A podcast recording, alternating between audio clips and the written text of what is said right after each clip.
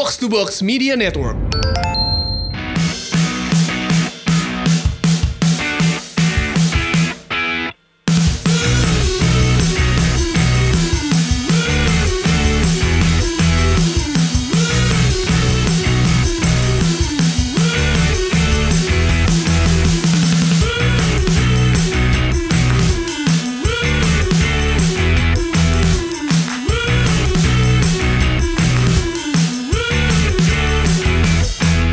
Absen berapa pekan, eh kita kira kembali lagi. Setelah ada Invalan dan juga Coach Justin eh, dengan Dex yang suaranya hilang. Yang hilang Coach Justin. Coach Justin, Box to Box Football Podcast kembali lagi dan pada episode kali ini ada gua Tio seperti biasa dan ada Coach Justin. Apa kabar Coach? Baik. Lama nggak jumpa nih. Ah masa. Ah, tapi tapi gue selalu menjumpai lu di Twitter. Dex, apa kabar Dex? Alhamdulillah baik. Gimana kemarin menjaga gawang menggantikan beberapa orang? Ya cukup kerepotan. Tapi oke lah. Dan di akhir pekan ini memang ada beberapa eh, pertandingan nih yang mencuri perhatian. Eh, kita sempat melihat di eh, tengah pekan yang lalu itu United akhirnya menang lawan Spurs, lawan Jose Mourinho yang kembali itu udah dibahas dari Jumat ya Dex ya? Yoi. Iya, Dan akhirnya di hari Sabtu sebuah kejutan terjadi ketika United menang melawan Manchester City. Gua nggak kita nggak mungkin nggak ngebahas ini karena ini salah satu partai seru menurut gua. Iya nggak coach? Man City MU Man City MU. nggak ada seru-serunya. Kalau kata gue seru sih. Apa serunya? Kenapa kau bilang? Kenapa lu bilang nggak nggak? Enggak ka- karena sa- satu mau main bola, satu cari menang. Ah. Jadi apa serunya? Seru itu kalau dua-dua mau main bola. Yang, Kayak yang mau cari menang yang mana? kayak Leicester Aston Villa itu seru, dua-dua niat menang. Hmm. Kalau ini kan MU main bertahan, oke babak pertama ada beberapa momen lah mereka berusaha keluar, berusaha eh, bermain bagus. Tapi bisa bilang praktis 80% dari pertandingan kan mereka bertahan incer counter dan berhasil. Iya. Dan kalau itu kalau gue bilang ini smart move dari Ole. Hmm. Dia tunjukkan lawan Chelsea, dia tunjukkan lawan Liverpool. Hmm. Tapi kalau dibilang bagus, nggak ada bagus-bagusnya. Hmm. Dan seru, nggak ada seru-serunya juga. Hmm. Karena ya ya gitulah. Ya kemarin eh, United lawan eh, City di babak pertama sih gue mengakui MU mainnya bagus, Lebih bagus. Eh, lebih bagus dibandingin lebih City. bagus babak nggak lebih bagus dari City, lebih bagus daripada babak kedua. Eh, babak kedua emang ya ntar kita bahas. Berarti babak, babak pertama counter attack-nya beberapa kali berhasil Iya. terus. Ka- Kalau ini yang jadi masalah kan. Parameter bagus itu apa sekarang? Hmm. Kalau lu bilang parameter counter attack adalah parameter bagus, lu lihat match lainnya. Jadi kalau nggak ada counter attack nggak bagus dong. Enggak, enggak. Gue enggak, gue enggak, gue enggak, gue gue enggak bilang seperti itu Nah, maksudnya. makanya th- that's why kita harus jelas.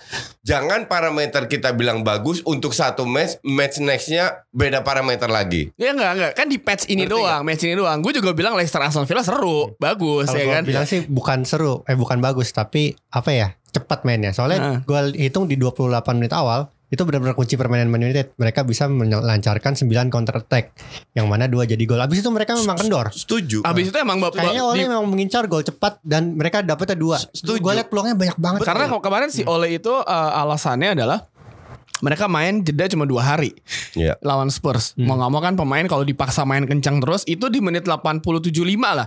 Danny James sama Wan Bisaka udah nggak bisa ngejar tuh. Udah udah kayak anjing capek banget udah kelihatan gitu tuh. Gue setuju, gue setuju apa yang Dex bilang tadi dalam arti ya Ole plays very smart Hmm. and very effective, tapi tidak bagus.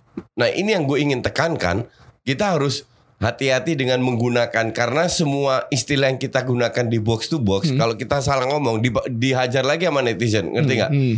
Jadi kalau kita bilang bagus, makanya gue tanya parameter bagus itu apa? Tapi kalau lu bilang main cepet setuju, main smart setuju, efektif tinggi setuju. Bahkan kalau lu bilang MU layak menang, sangat setuju. Layak ya. Hmm. Ngerti nggak? Karena kalau orang bilang ya ini kan yang penting uh, ball possession, nah itu netizen tolol, kardus.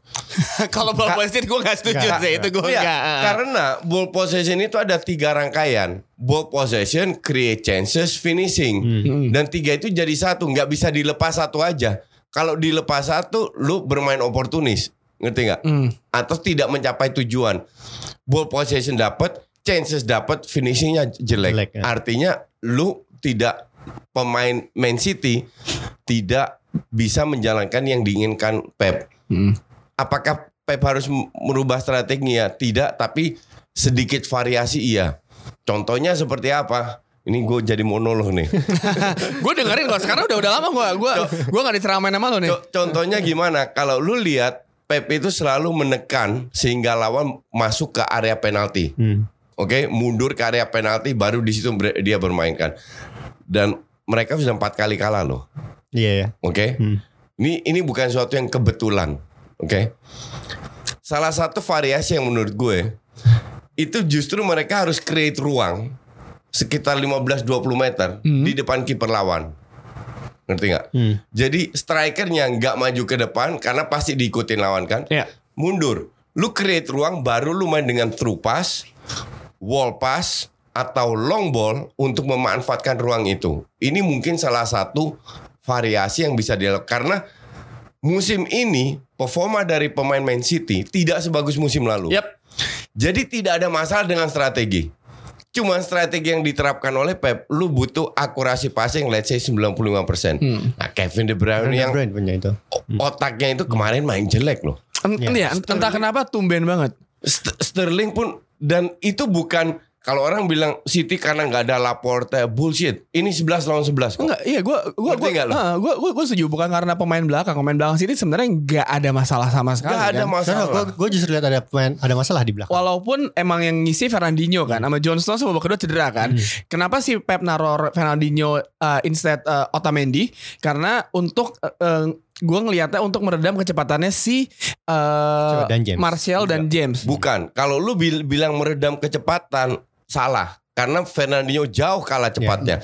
Tapi untuk membantu DM, untuk membantu Rodri pada Buat saat lawan, Hmm. ya, karena kemungkinan besar lawan ada akan Hmm. eh, bertahan. Hmm. ya gue kan? lihatnya kalau itu tuh perannya di Kyle Walker kemarin. Dia itu kan apa nge-track back harusnya kan. Cuman beberapa kali terlambat terus karena dia mainnya terlalu narrow. Hmm. Nah, di sisi Tapi dia kanan- selalu main Nero loh. Iya, di Iya. sisi kanannya itu selalu bisa dieksploitasi sama Rashford. Iya, Hmm. betul. Sementara di sisi kiri Enggak. Fernandinho sama siapa tuh yang- Angelino. Angelino. itu selalu dieksploitasi juga sama Dan Iya, James. ex- gue setuju itu. Nah, se- sekarang kenapa dia main Nero? Karena terlalu banyak pemain di depan bola.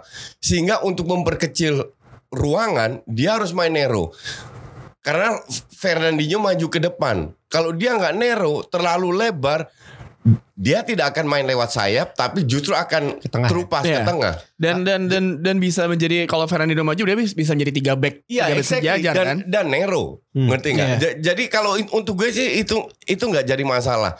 Yang jadi masalah kan you still harus cetak gol, bener nggak? Nah, itu dia permasalahannya. Iya kan? Dan kemarin gue lihat eh, beberapa artikel yang ngebahas taktiknya Solskjaer. Sebenarnya kuncinya itu ada di eh, positioningnya Anthony Martial sama eh, Daniel James. Yang Martial kan bukan bukan di pas kemarin lu setuju gak sama gue? Dia tuh bukan murni pemain nomor 9. Dia Setuju. sering Iya, sering setuju. melebar ke kanan Setuju. kiri. Bahkan sering banget posisinya double sampai Danny James di kanan. Modern striker lah. Iya kan? Iya, dan setuju. dan eksploitasi di kanan karena dia kita tahu sih vokalisnya Smashing Pumpkins ini Angelino ini eh, dia sering banget telat untuk balik ke belakang kan. Seba- sa- sama kayak Kyle Walker Kalau dan itu pas golnya yang penalti itu Walker tuh masih ada di tengah pas Yes. yang dilanggar sama Iya, makanya Bernardo Silva yang nutup Ah. kan. Heeh. Dan eh, penalti kejadian eh, walaupun sebelum penalti banyak banyak banyak kesempatan-kesempatan yang gua yang gua kaget adalah Fred bisa masing kayak gitu ya. Heeh. Eh, gua kayak, "Wih, kok lu bisa masing kayak gini?" ya kan? Tumben kamu. Kan gua orang Brasil kan. Iya kan. Tumben kamu jadi orang Brasil. Biasanya kamu menjadi orang apa itu ya kan? Bisa bagus tapi eh, di babak kedua sih gua setuju sama coach MU negatif football banget. Dia emang oleh mungkin mikirnya gue nggak mau ngambil resiko pemain gue capek atau gue nggak tahu. Tapi gue babak kedua sebagai fans MU 40 menit gue deg-degannya parah sih karena Ya, anjing gak kenyerang yakin. sama sekali ngepet Yakin, ya. yakin. Cuman lu lu kalau kita kembali ke Nero atau tidak, Hmm. lu lihat dia tidak akan main Nero kalau Bernardo Silva masuk ke dalam. Ya. Iya sih. Ngerti nggak? Jadi dia tapi Bernardo Silva di luar terus, nyaris nggak ke dalam dan ini bagian dari strategi kita bisa bilang berjalan atau tidak karena ini juga variasi Iya. dari strategi yang sering kali diterapkan Nah. Pep. Jadi Walker bener bermain Nero itu bukan hanya kemarin. Sering. Ka- kalau gue bilang nggak ada masalah dengan strateginya, yang jadi masalah cuma cetak gol. Nah sekarang kita kita eh, kita bahas kenapa tidak bisa cetak gol aja, oke? Hmm. Terlalu banyak numpuk dan defense MU harus dikatakan bagus. Gue Di- kemarin di area- mengapresiasi Ya, sih. Wan-Bissaka Ah. ya. Eh, ab- absolutely di area penalti. Lu kalau tidak bisa mencoba selama 45 menit, bahkan let's say 65 menit lah, you do something kan.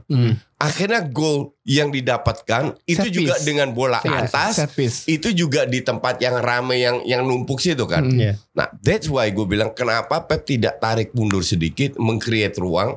Karena pemain kayak Sterling, Bernardo Silva tuh punya space. Iya dan kemarin Sorry, punya speed. Iya, dan, dan- bisa memanfaatkan space. Tapi space itu nggak dapat. Iya dan dan kemarin gue ngelihat Raheem Sterling entah karena di pressing sama Wan Bisaka dia beneran sama sekali nggak menonjol bahkan plus Kevin De Bruyne yang lagi off performance kemarin. Betul. Iya, Coach? Iya, betul. Biasanya kan ketika Sterling eh, mati mesti ada Kevin De Bruyne otaknya ya kan. That's why di Twitter gue bilang untuk gue harusnya karena yang mengandalkan Sterling nggak berjalan, David Silva juga udah Yes, ketuaan, David udah nggak mati. berjalan, Mending lu tarik Silva keluar, taruh Bernardo Silva di tengah, pasang Mahrez di kanan. Iya. Oh, yang Mahrez ya, masih punya yang ya. ada Mahrez di kanan memang di Iya, memang, tapi uh. Bernardo Silva ditarik karena gue tidak lihat Bernardo Silva kemarin mainnya happy nggak lepas seperti biasa Hmm. Ju- bahkan di timnas Portugal dia itu kan dikasih free roll Ya. karena dia memang punya skill nah ini yang mungkin namanya Pep, Pep juga manusia dalam arti dia berusaha untuk melakukan suatu tapi 14 poin ketinggalan lawan Liverpool. Liverpool Iya.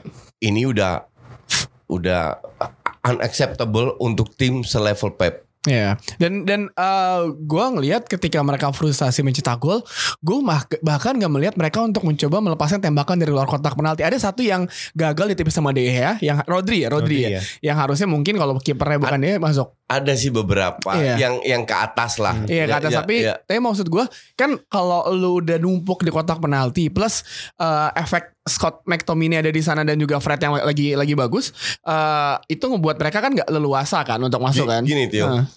MU bermain bertahan untuk menyerang. Beda dengan Inter zaman Barcelona lawan Barcelona di Champions League. Inter Mourinho ya. Inter Mourinho itu bermain bertahan untuk bertahan. Iya. Oke, jadi lu harus pisahkan Iya. ini. Ini untuk fans Kardus yang yang dengerin semoga lu Ini pasti bela- habis di- di- belajar dikit. di mention banyak orang nih. Iya iya iya gua gua gua gua Nah. gua, gua mengerti gua mengerti. gua mengerti. Artinya Heeh. kalau MU Man City passing ke belakang, pemain MU itu maju. Hmm. pressing. Eh maju Nggak- untuk nggak untuk pressing, iya nggak iya pressing. Enggak tapi maju. Tapi maju aja. Nah, ini yang yang gue juga sebagai mantan pelatih, lu harus bisa memanfaatkan dan ini kesalahan Pep gue bilang tidak dimanfaatkan. Hmm. Harusnya pada satu passing ke belakang, Ada pemain MU kan, ke depan, Lu lu, tarik juga ke depan. Iya. Nah, di space ini yang dimanfaatkan, ini sering dimanfaatkan oleh Liverpool. Sering banget Liverpool dapat gol Jadi kayak gini kan. dari space yang Ah. dimanfaatkan dengan long ballnya Iya. yang sangat akurat itu. Ketika pemain pemain lawannya maju ngejar bola, pemain ini langsung ya pemain sayapnya juga bekerja Jadi kan. tet- tetap menjaga compactness Iya. Nah, Tetap Man, menjaga Man City itu nggak bisa menjaga compactness kemarin gue lihat. Sebenarnya compactness tetap terjaga, cuman Enggak compactnessnya mungkin yang narrow tadi, tapi kalau secara Wide. uh, wide-nya enggak, eh secara long. panjang lapangan. Iya. Eng- maka dari itu enggaknya apakah itu kok instruksi dari Hmm. Pep atau itu memang pemainnya malas. Ini yang kan kita nggak tahu. Hmm. Iya. Gitu. Eh, emang ya akhirnya menang 2-1 eh dua eh, dalam tiga hari ya tiga? Gue surprisingly ini soalnya tadinya kan oleh di di ambang pemecatan kan. Soalnya Iya. lawan Spurs habis itu lawan Man City, tapi Iya. ternyata mereka menang dua. Kalau yang dari gue lihat sih, Man United justru bisa bagus ketika lawan tim-tim yang Tim-tim besar. mendominasi. Exactly. Hmm. Ini yang ingin gue tanyakan. Sekarang kalau MU sehebat itu, kenapa mereka berada di ranking 5? Makanya Oke. nih, Kenapa mereka hanya meraih poin lawan Chelsea, law- lawan, Lawan Big tim Six ya? Big Six, aha. Big Six. Chelsea menang dua kali. Iya di Liverpool Imbang. Satu-satu yang bisa nahan imbang Liverpool kan? Ya, Heeh. City bisa menang. Kenapa bisa begitu dan berada di ranking 5? Murni ya itu lagi mereka tidak bermain bagus itu sudah gue bilang di video gue. They play reaction football. Hmm. Orang tanya reaction football apa? Reaction is action is reaction. Kan dia udah sering ngejelasin ini. Orang Action, tuh aneh. action itu Manchester City, MU hanya bereaksi. bereaksi atas kesalahan yang dilakukan eh, Mm-mm. Man City dan itu dilakukan lawan Chelsea dan itu dilakukan lawan Liverpool. Liverpool, Walaupun lawan. Liverpool lebih smart kalau kalau kalau- gue bilang. Yang ya lawan Liverpool walaupun nih maksud sama, tapi gue Li- Liverpool dia nge-press ya. Nge-press. Lawan City enggak ya? City enggak. Nah, see that, that is the difference. jadi meli ngelihat dan dan entah kenapa ketika balik ke lawan Liverpool, Liverpool tuh mainnya aneh pasti Old Trafford. Eh, plus nggak ada mau, mau salah juga Iya, sih, ada. ya kan dan kemarin plus juga nggak ada Sergio Aguero. Iya. Gue berpikir kalau kemas malam waktu itu weekend lalu ada Sergio Aguero, mungkin hasilnya beda.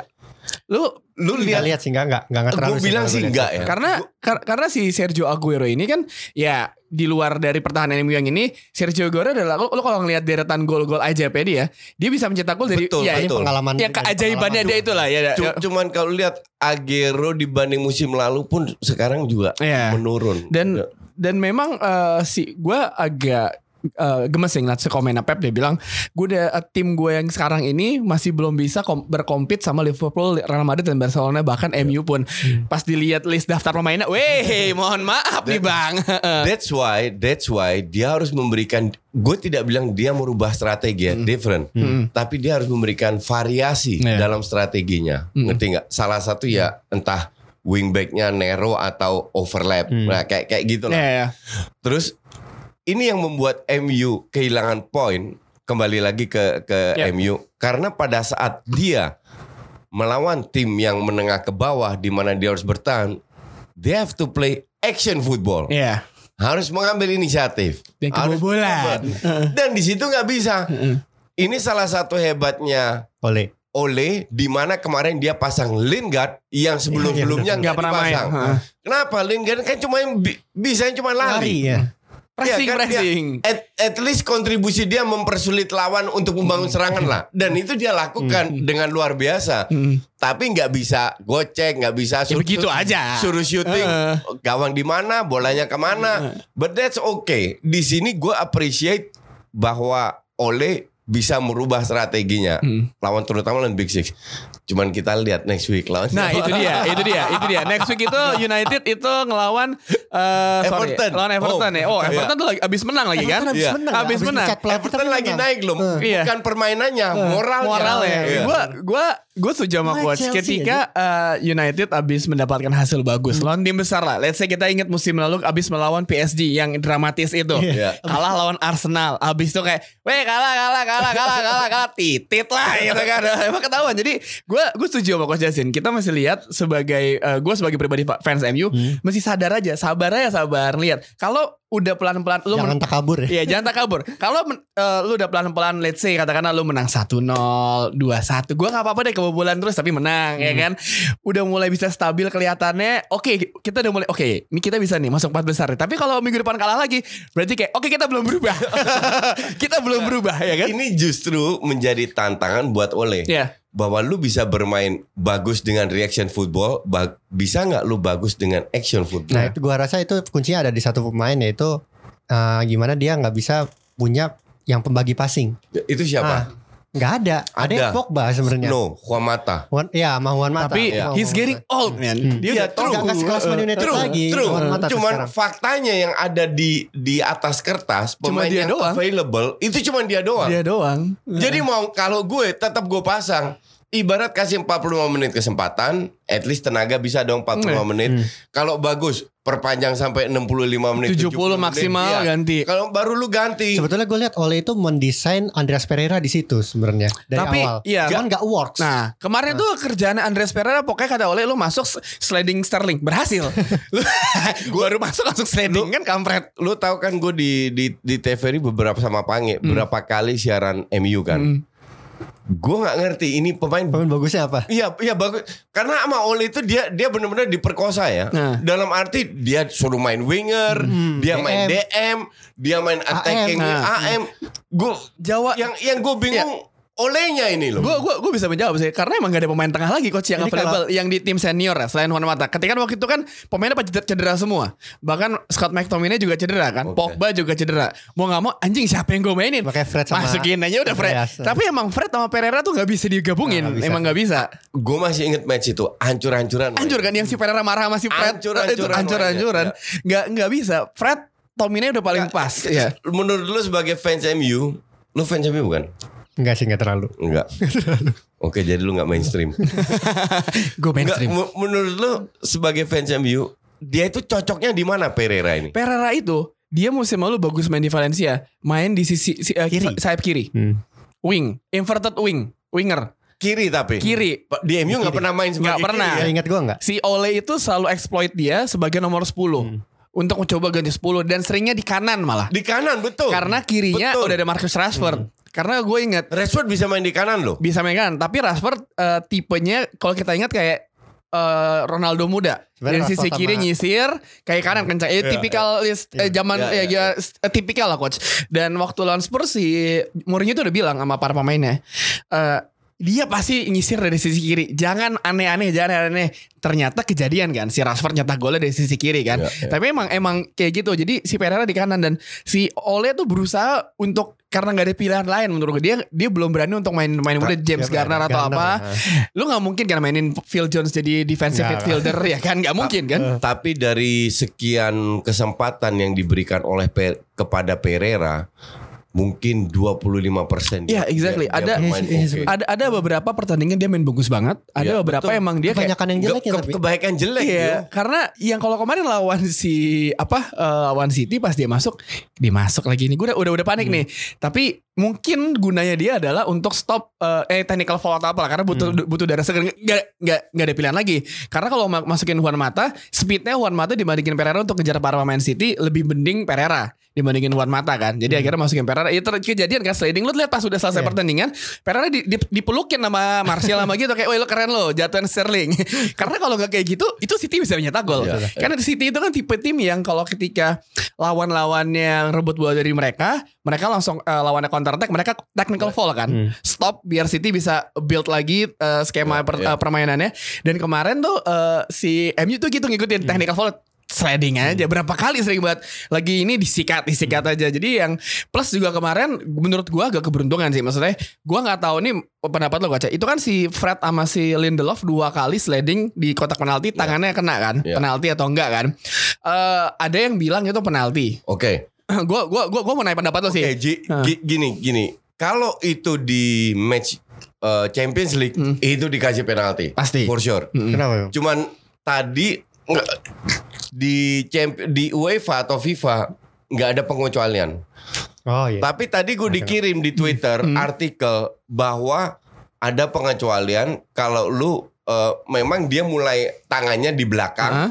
pada saat jatuh dia majuin biar untuk menahan badannya. Iya iya. Hmm. Dan di situ ditulis di aturan. Jadi untuk aturan Inggris itu bukan Oh, iya. penalti. Dua-duanya karena dia menahan. Si kan emang nahan kan. Iya. Lindelof juga dia emang Iya. tangannya di awal Iya. ini. Oke Iya. oke oke. Oke setuju gue. Oke menarik ya. Iya benar. Segmen satu ini. Iya benar. Dan eh, di segmen 2 nanti kita akan membahas sebuah pertandingan yang nanti semalam dan juga nasib Semalam. dari eh, eh, klub London Utara yang agak-agak bagaimana sekarang bersama coach Justin.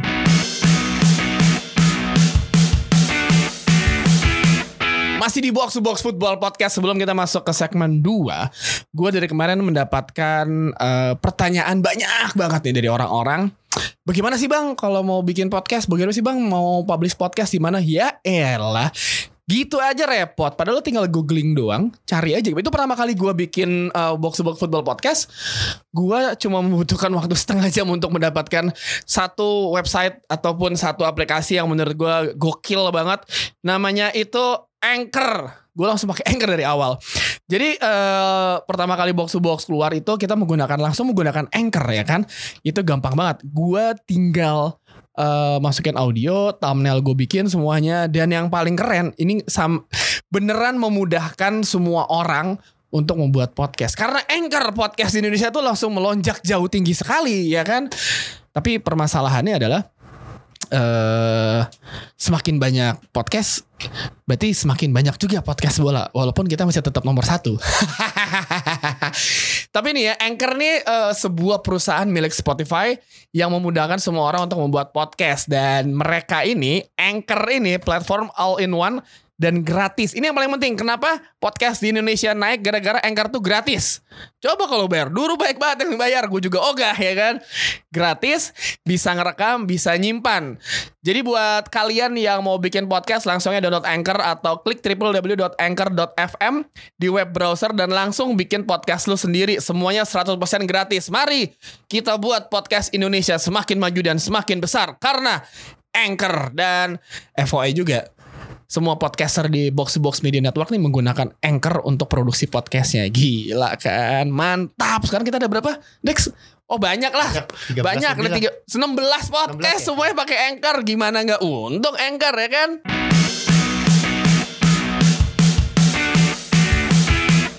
Wahai fans Arsenal, bersabarlah karena hari-hari penantian kalian sudah datang. Freddy Ljungberg alias model kolor menjadi pelatih Anda saat ini. Gua ingat pertama kali eh, gua ketika Unai Emery dipecat tuh gue lagi di Filipina sama Pange. Gue berdua sama Pange, gua ngakak tuh gak. Ih anjing dipecat. Justin yang di otak gue berdua Justin seneng dong. Ya abis ya kan? Tapi ternyata iya Caretaker sementara Freddy Ljungberg Sebelum kita ngebahas dua pertandingan Yang sudah di eh, dimainkan oleh Freddy Ljungberg Gue mau nanya sama Coach Justin. Coach Sebenarnya ini Freddy Ljungberg nggak ada pilihan lain atau gimana sih Coach? Eh, gini, somehow it's a smart move dari manajemen ya.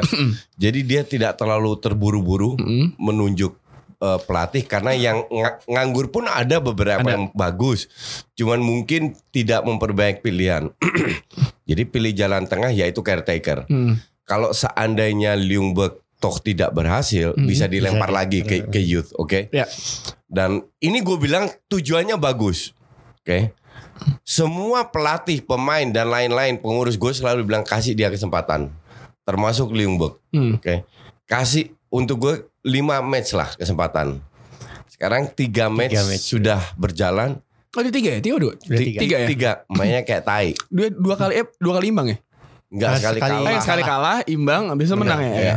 Dan mainnya itu kayak tai asli. Hmm. Dan dan gue gue gede kemarin gue baca baca twitternya official Arsenal punya itu banyak banyak banget fans yang ngedukung. Gue bilang "Eh, ternyata fans Inggris lebih kardus daripada fans kita ya. Gue liat, gue lihat hasil dong berarti. Parah dong gue iya. gue Tapi hasil pun sebenarnya enggak. gue lagi buka lihat Amat Twitter. Twitter Jasin sejak be- eh, 10 jam lalu kerjaannya maki-maki Arsenal Iya. terus.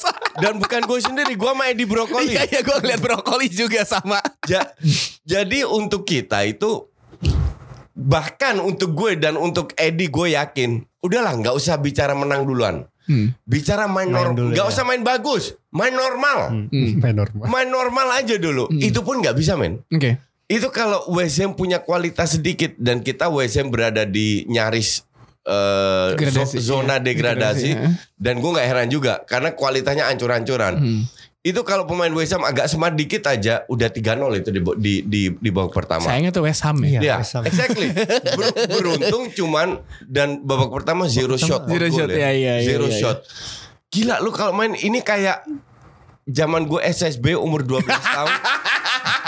Bahkan lebih bagus mainnya da- da- da- daripada Dia ngasih instruksi gak sih? ini ini ini yang gue bingung. Ini gue kasih lu sampel main 4-3-3 oke. Artinya wing lu di kiri kanan, Hmm. di belakang center back. Oke. Hmm. Satu, very standard di sepak bola dan di futsal sangat sering terjadi adalah pada saat lu buka ruang, ruang itu dimanfaatkan. Hmm. Yang terjadi mereka berdiri statis. Kalau statis lu tetap nempel di garis, lu dipasing ke kanan si Miles, Hmm. lu di press, kemungkinan besar hilang dong. Hmm. Gue posting di IG gue, passing-passingnya yang Oh ya gue berhasil liat dan ah, ya, yang dari start zone ya. ya 50% dari 92 salah passing itu berada di area sendiri. Oh, itu bahaya banget. Itu kan fatal. Itu fa- fatal Ya banget. kan? Heeh. Dan berkali-kali Itu bukan karena di press kan? Iya. karena di press. Oh karena di press juga. Kalau lu, ini gue pelatih futsal nih. Jadi tadi, tadi tadi coach ganti ini. Wah, ganti posisi, gue seru banget ya gini. De- dengerin, enggak. Ini gue pelatih futsal nih, oke? Di futsal itu ada yang namanya 4-0. Hmm. 4-0 itu artinya lu passing ke samping, lu maju ke depan. Hmm. Jadi di ini solusi untuk pada saat kita di high press. Oke. Oke. Pada saat lu maju ke depan lawan lu ikut dong. Iya. Lu create ruang dong. Nah, di sini kita bisa build up serangan dengan 4-0. Dan ini bisa dilakukan dalam sepak bola juga. Oke. Hmm. Pada saat si center back pegang bola, oke? Hmm. Lihat Maitland Niles statis di Iya. situ. Dia passing kemungkinan ini- dan itu berkali-kali Iya. terjadi. Tololnya begitu. Per- pertanyaan orang kan atau lu kan oke, terus Niles harus ngapain? Iya. Ya kan? Hmm. Kalau Niles masuk ke depan, kan dia tarik musuhnya, Iya. bukan? Hmm. Terjadi ruang kosong yang ditinggalkan Niles. Hmm. Oke. Kalau PP masuk ke dalam dengan lari ke bola, kan nggak bisa dipotong karena lawannya juga lari. Hmm. Nah, dia passing ke PP, Niles kan kosong, bisa passing ke Niles, penuhi lini tengah. Karena pertama kali gue bilang Torreira main luar biasa. Hmm. Kenapa luar biasa? Torreira ini persis kayak Fred. Di berapa match pertama lari kiri kanan depan belakang Hmm. kiri kanan sampai nggak jelas jelas, hilang posisinya dan berapa match terakhir eh, Fred kan main bagus karena dia kontrol lini tengahnya kan. Hmm. Kemarin Torreira begitu. Dia menyebarkan bola berarti. ya? Hmm, Iya, jadi dia benar-benar kontrol lini tengah, nggak lari-lari asal lari. Hmm. Oke, di situ selalu ada tiga pemain di mana mereka bisa passing. WC main high press, tapi karena pemainnya terlalu statis, jadi gampang di defend. Hmm. Harusnya bermain kayak di futsal 4-0, bergerak membuka ruang, ruang dimanfaatkan, di situlah bisa berjalan. Ngerti nggak? Hmm. Nah ini agak teknis, mungkin agak sulit di, di Dicerna oleh fans dicerna Cardinals. oleh fans Tapi Cardinals, menurut tapi, gua Maitland Niles bukan di situ posisinya harusnya. Maksudnya posisi alaminya. Mungkin dia nggak cocok sebagai bek kanan kayaknya. Gue nggak tahu, gue gue nggak tahu. Tapi faktanya yang kita lihat adalah Seperti dia itu. selalu di bawah di di bawah Wenger, di bawah Emery, Emery dia dan- selalu hmm. bermain di sebagai bek bek kanan. Whatever lu mau main posisi apa pun, intinya kalau lu di press, kenapa WSM ini ngelihat cara Brighton bermain? Lawan Brighton di kandang Arsenal, Arsenal baru pernah kewalahan di press. Ya. Padahal ngepresnya itu ngepres, ya sorry itu saya ngepres tempe tau nggak? bukan bukan ngepres gaya MU, gaya Liverpool atau gaya City. Ngepresnya bener-bener gaya tim tim mediocre yang Iya, ngepre- banyak banyak banget celah. Dan ngepres ngepres aja Iya. udah. ngepres ngepres aja. Dan lu tuh bisa manfaatkan dengan bermain triangle, segitiga atau bermain dengan wall pass. Dan itu nggak kelihatan sama sekali. Hmm. Di babak kedua, tiga shots, tiga gol. Dari total empat shots on goal, tiga masuk. Itu dari menit 60 kan baru kan. Ber- Dari menit 60.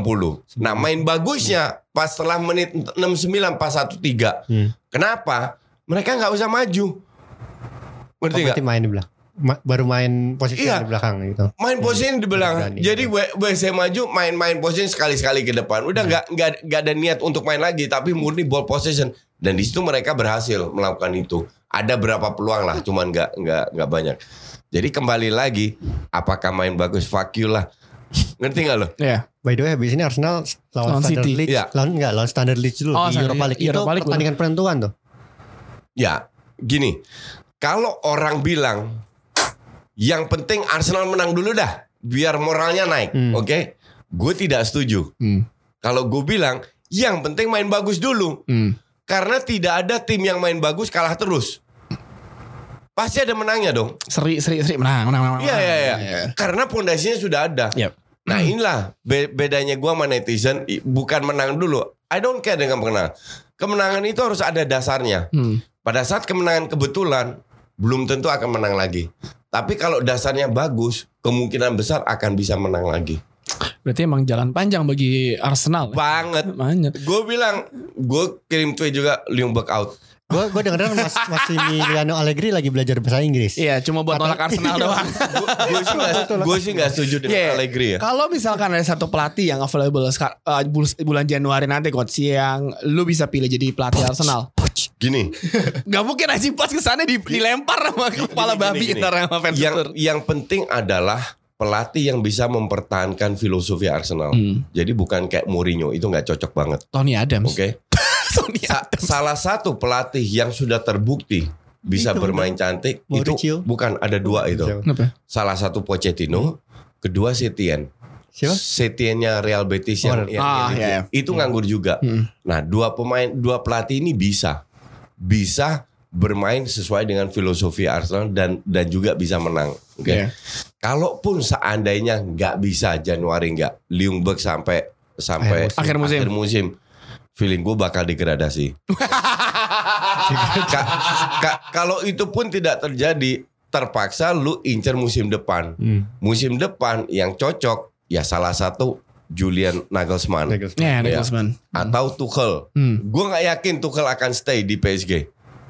Tekanan apalagi kalau misalnya musim ini gagal di Champions gitu. Kalau Lucien Favre gimana? Dipecat Lu, Lucien Favre oke lah, Ma- masih Tinggal acceptable tunggu ya. Hmm. Ba- Kalau lu tanya dalam hati gue, yang bener-bener pengen gue inginkan dan itu kayaknya gak nggak mungkin, Brendan Rodgers ya. bukan? Erik Ten Hag, Ah. Erik Ten Hagnya Ajax. Karena Karena sesuai dengan filosofinya. Iya. Kalau ka- karena kemungkinan kalau seandainya Ronald Koeman bener ke Barcelona Oh iya, musim bener. depan, Ten Hag feeling gue jadi pelatih timnas. Tapi emang apakah kemungkinan eh, gue ngebahas sedikit si Ronald Koeman ya? Apa kemungkinan musim depan Ronald Koeman bisa ke si Barca. eh, Kalau lu tanya gue 99%. Oh iya dia Really? kan karena benci Valverde. Lu gak usah gua, gua, gua usah nanya siapa pun pelatih Barca yang penting Valverde keluar dulu. 99% Ronald Koeman ke Barcelona. Ronald- Gara-gara Ronald Koeman yang bagus apa Valverde jelek? Lebih cenderung ke mana? Dua-dua. Dua-duanya.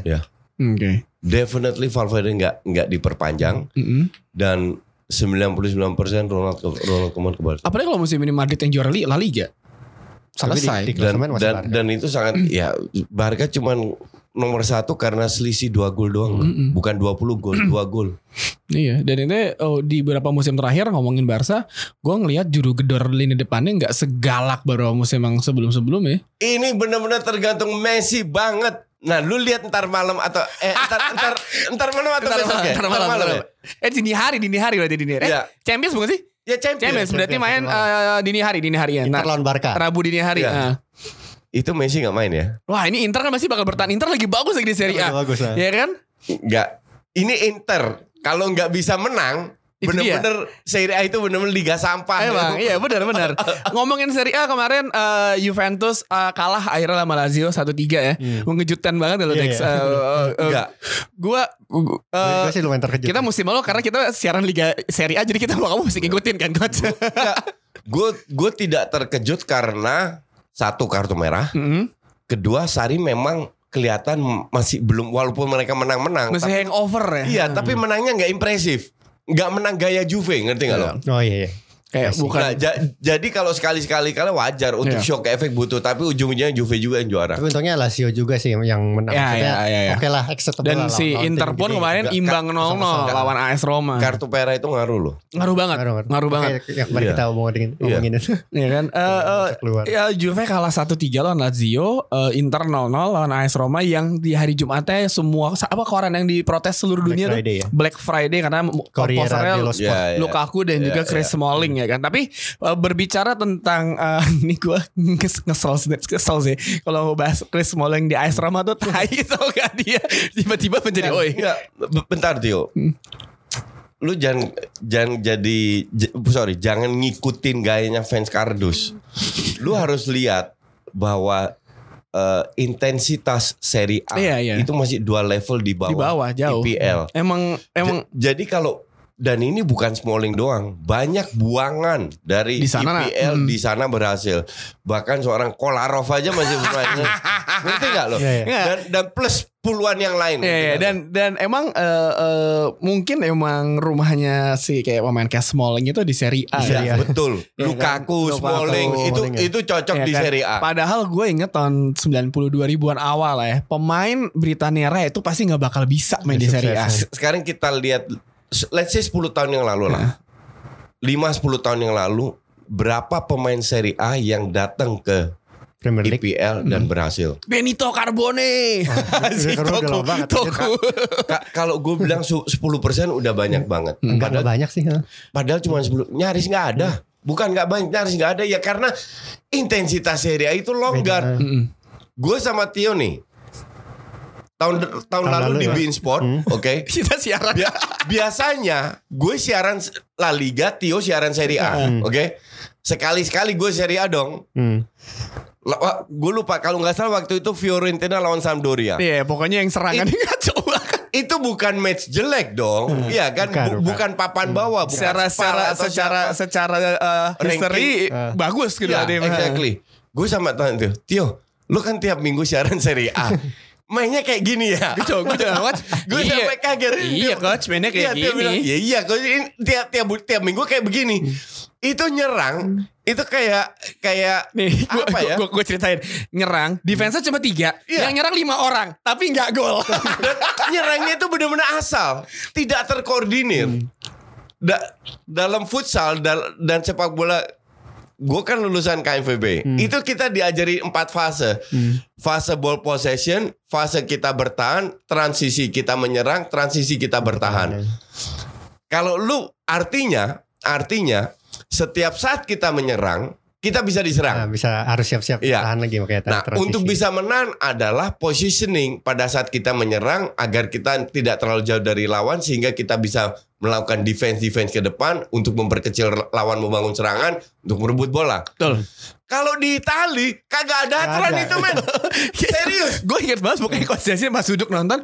Gue stres. Ini kenapa gini sih? Mungkin Coach, gue setiap minggu kayak gini ya, coach, ngeliat pemandangan kayak gini, jadi kayak udah sabar aja udah.